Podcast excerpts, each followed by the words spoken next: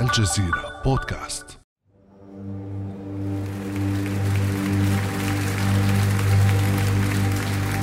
يا ست الدنيا يا بيروت.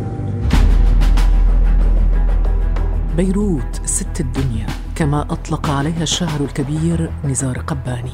مدينة معروفة بتناقضاتها. تجمع بين الحفاوة بالحياة وذكريات الموت جراء الحروب المتعاقبة والكوارث والأزمات وآخرها كان انفجار مرفأ بيروت. تحاول بيروت اليوم تضميد جراحها لكن حجم الكارثة يبقى كبيرا جدا. ومن هول فاجعة الانفجار تضاربت في البداية التقديرات بشأن الكلفة الحقيقية لمعالجة الكارثة.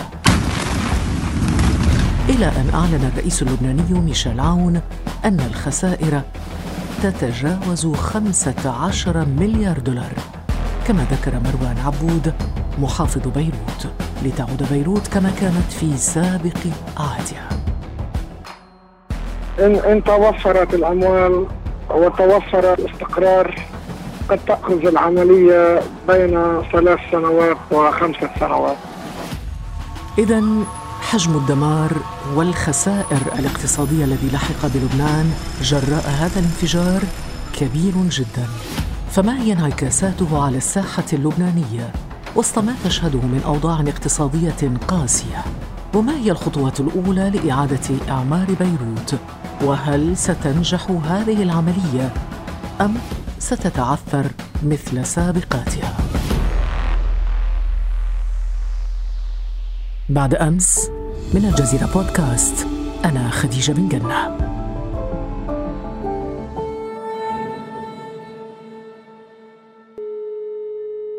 لإثراء النقاش حول هذا الموضوع ينضم إلينا في هذه الحلقة الخبير الاقتصادي اللبناني أحمد عقل أهلا وسهلا بك أستاذ أحمد. يا هلا فيكم يعطيكم العافية. الله يعافيك. أستاذ أحمد حدثنا في البداية عن حجم الدمار والخسائر الاقتصادية التي لحقت بلبنان جراء هذا التفجير. أهمية هذا المرفأ بالنسبة للداخل اللبناني هي أكثر بكثير. هو يمثل تقريبا 70% من حجم الأعمال خلينا نقول اللي بتتم دخولا وخروجا على دولة لبنان. مرفأ مساحته جيدة جدا لم يبقى منه تقريبا أي شيء. 1.2 مليون متر مربع تقريبا ومسطح مائي قريب من المليون متر مربع. لم يبقى منهم أي شيء من بعد هذا التفجير الكبير. بشكل عام إذا بدنا نحكي كاقتصاد وكأرقام بالعام 2017 تقريبا إيرادات المالية للمرفأ تجاوزت ل 300 مليون دولار. كان فيها صافي أرباح تقريبا قاربت ال 125 مليون دولار لهذا العام. يعني هيدا عشان نعرف حجم الأعمال وحجم مساهمة المرفأ بالسنوات السابقة بضمن الخزينة اللبنانية. لا شك أنه هكذا انفجار له تأثيرات كثيرة. نبدأ ببعض التأثيرات المباشرة واللي هي معروفة لدى الجميع اللي هي الخسائر والهدم والدمار وتكاليف إعادة إعمار المرفأ نفسه والتي قدرت بحوالي خمسة لستة مليار تقريبا. عم نحكي نحن إذا بنشوف الميزانية العمومية المنشورة بالموقع الرسمي لمرفأ بيروت سابقا بنشوف إنه الكلام كان عن ما يقارب تقريبا 3 ل 4 مليار دولار أمريكي حجم الميزانية العمومية في حال إعادة تقييم الأصول. هي اللي موجودة بضمن الموازنة كان حوالي مليار دولار وكان مذكور أنه القيمة السوقية لها حوالي 3 ل 4 مليار دولار. فهيدا عم نقول نحن عن أصول وموجودات موجودة ضمن المرفأ. هيدي خسائر مباشرة. في عنا بعض الخسائر الغير مباشرة اللي هي بضائع التجار الموجودة الآليات الموجودة لشركات خارجية. الدمار المحيط بمنطقة المرفأ المباني اللي كانت حوالين المرفأ والتي تم هدمها بشكل كبير. نحن بنعرف ما بين 10 ل 15 كيلومتر تقريبا كان في حجم دمار قوي. المحال التجارية البضائع الموجودة بهذه المحال والمفروشات الموجودة بالمنازل كان في عنا أيضا تكلفة توقف المرفأ نفسه عن العمل وبالتالي مدى التأثير اللي ممكن يتركه على الاقتصاد اللبناني من حيث أولا نقص. هل يعوض عنه مرفأ طرابلس مثلا؟ هلأ نحن بنعرف بلبنان في عنا حوالي خمس مرافق يعني اللي هي أساسية اللي هي صيدا وصور وطرابلس بيروت وجوني.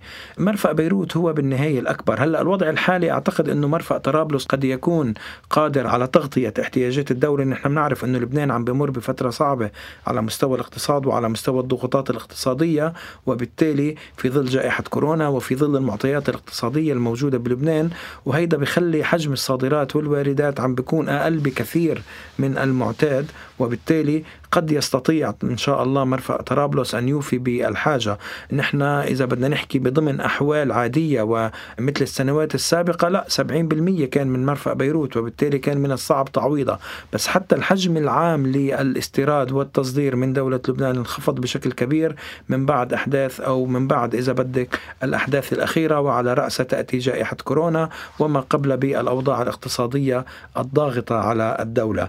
كمان ما بدنا ننسى أنه المرفأ كان في صوامع قمح كان في مخزون استراتيجي لبعض الأغذية المهمة وهذا الموضوع أيضا سوف يكون له تأثير مهم جدا بالفترات القادمة. نحن بنعرف أنه مثل ما حكينا التأثيرات لا تنحصر فقط بالأمور المادية حتى على مستوى ثقة المستثمرين على مستوى حركة العملة الوطنية نفسها على مستوى الاستثمار على مستوى خسائر شركات تأمين على مستوى بضائع غير مؤمنة موجودة بالنهاية. هذه قد تكون خسائر مباشرة للتجار. الكثير من المعطيات والكثير من التداعيات ممكن نشوفها.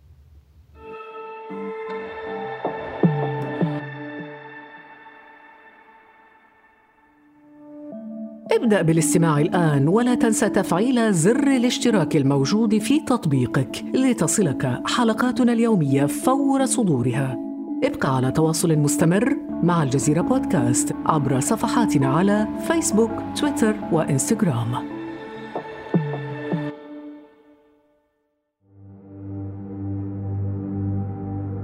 بلش من هون. نحن كنا موجودين. ست طارق من هون اجت تحت. هون خليك خليك خليك لو تحدثنا بلغة الإنسان اللبناني المواطن اللبناني البسيط الذي تدمر بيته كليا أو جزئيا اليوم يحتاج إلى ماذا؟ إلى ألومنيوم وزجاج لإصلاح ولو مؤقت لما تدمر من بيته لضمان على الأقل سقف يؤويه كي لا يجد نفسه في الشارع خلينا نحكي عن المواطن البسيط إلى ماذا يحتاج اليوم؟ صحيح. أول شيء لا شك أنه الخسارة الكبرى هي خسارة أرواح الناس والشهداء وفي عنا المصابين. هذه هي الخسارة الأكبر. اليوم من الناحية إذا بدك المادية لا شك إنه الاحتياجات كثيرة جدا.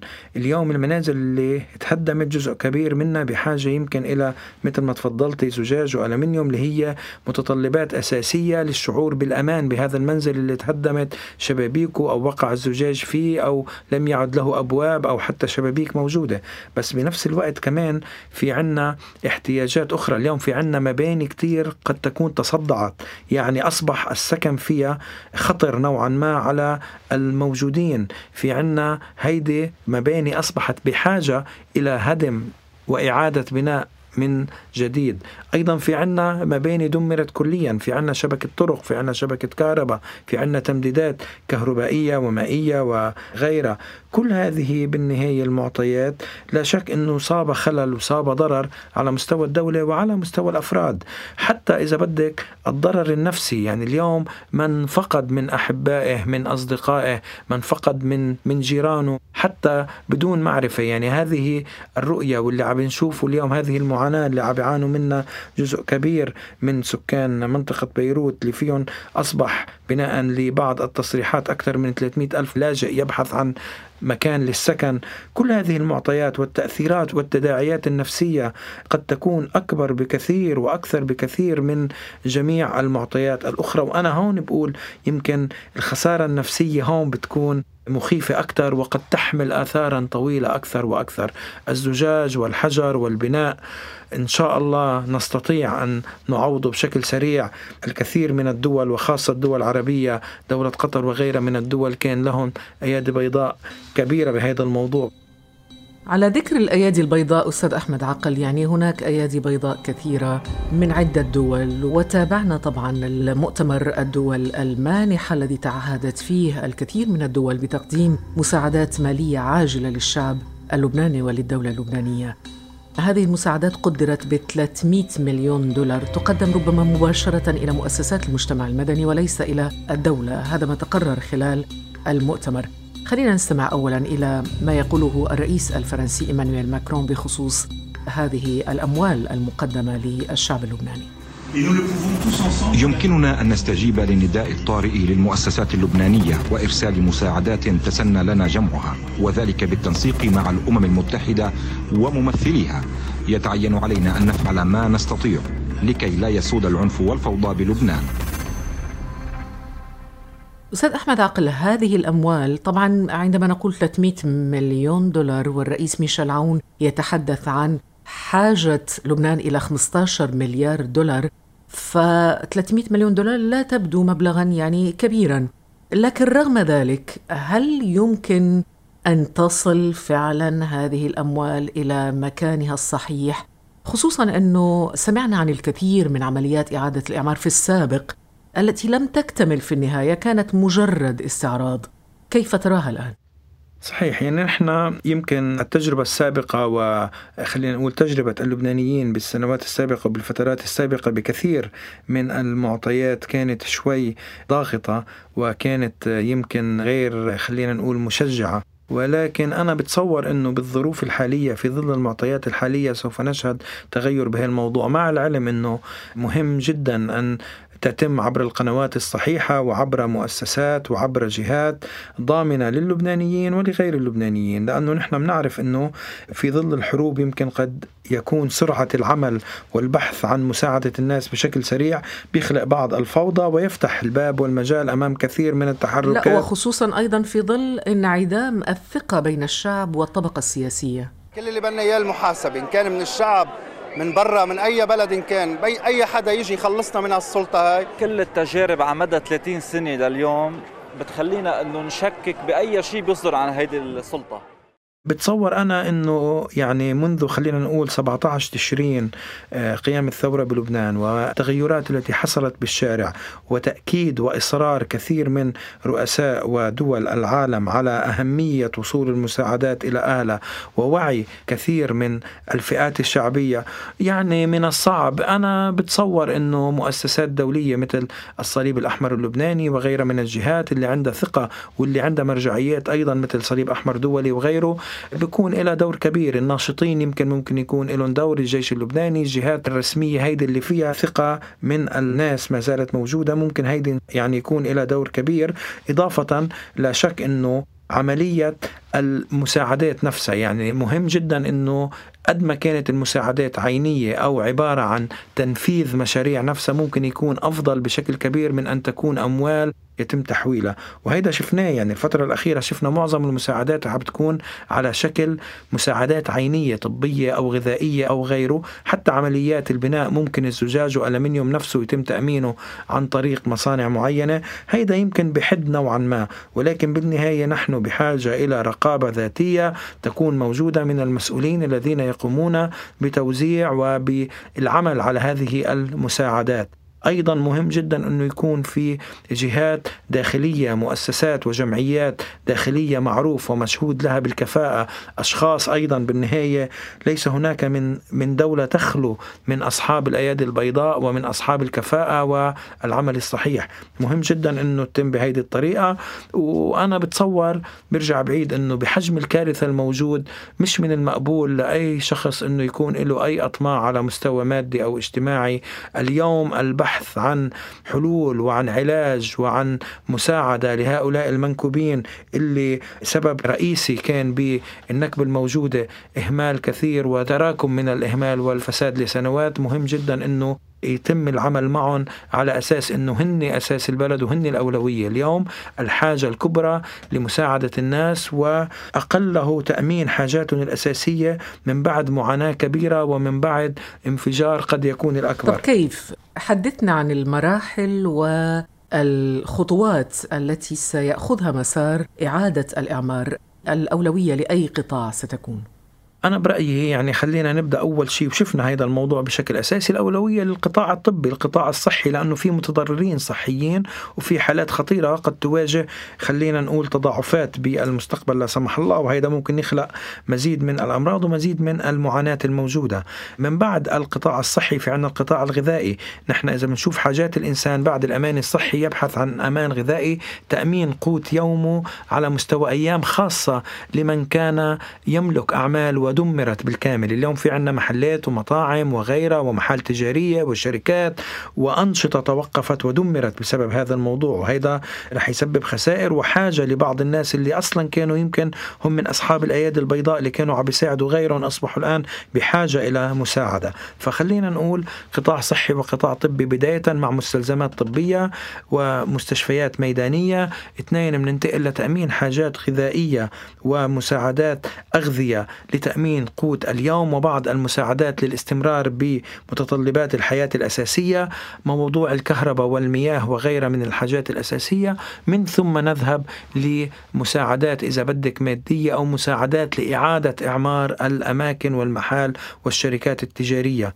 لكن لا يمكن أستاذ أحمد عقل أن ننسى أنه لبنان قبل انفجار مرفأ بيروت كان منهكا اقتصاديا سياسيا على المستوى الصحي أبداً أزمة أبداً وباء كورونا صحيح. انهيار الليرة اللبنانية أزمة تراكم الديون والعجز الاقتصادي والفساد هل يمكن برأيك عزل عملية إعادة الإعمار عن الوضع السياسي بشكل عام؟ يعني خلينا نقول بداية يمكن بداية ب يعني الحاجات الأساسية وهيدا شفناه. يعني اليوم من مع ومن ضد المعطيات الموجودة حاليا عم بيساهم بشكل أساسي بإغاثة ومساعدة المنكوبين بشكل عام. يمكن إعادة الإعمار نفسها يعني لما نبدأ نحكي بمشاريع إعادة إعمار مشروع مثل المرفأ مشروع مثل إعادة بناء مباني كبيرة أو غيره هون بتختلف الأمور. هون رح نكون أعتقد إنه من الصعب عزلها بشكل أساسي. يعني بعد ما تروح الحاجات الأساسية رح نكون أمام لحظة حقيقة بمدى قدرة العمل بالظروف الحالية ومدى مساعدة الدول وترحيبها بالمساعدة أو استعدادها للمساعدة بضمن الأعمال الموجودة. لما نروح لمرحلة البناء والطرق نحن ما ننسى يعني بعد ما تم الحديث عن مشاكل كثير من الشركات. يعني مثلا شركات النقل اللي كان عندها سفن بالمرفأ. نحن في عنا أمور حتى الطرق والشوارع حتى في عنا اللي هي شركات التأمين اللي كانت أصلا ممكن تتحمل خسائر كبيرة بسبب الظروف الموجودة حاليا. فشوي خلينا نقول هيدي المعطيات عم بتكون ضاغطة ولكن إن شاء الله يعني مع الوقت ومع يعني وجود متغيرات كثيرة متوقعة للفترات القادمة ممكن نشوف إن شاء الله عودة للعمل الجدي. شكرا جزيلا لك أحمد عقل الخبير الاقتصادي اللبناني. شكرا لكم. كان هذا بعد أمس.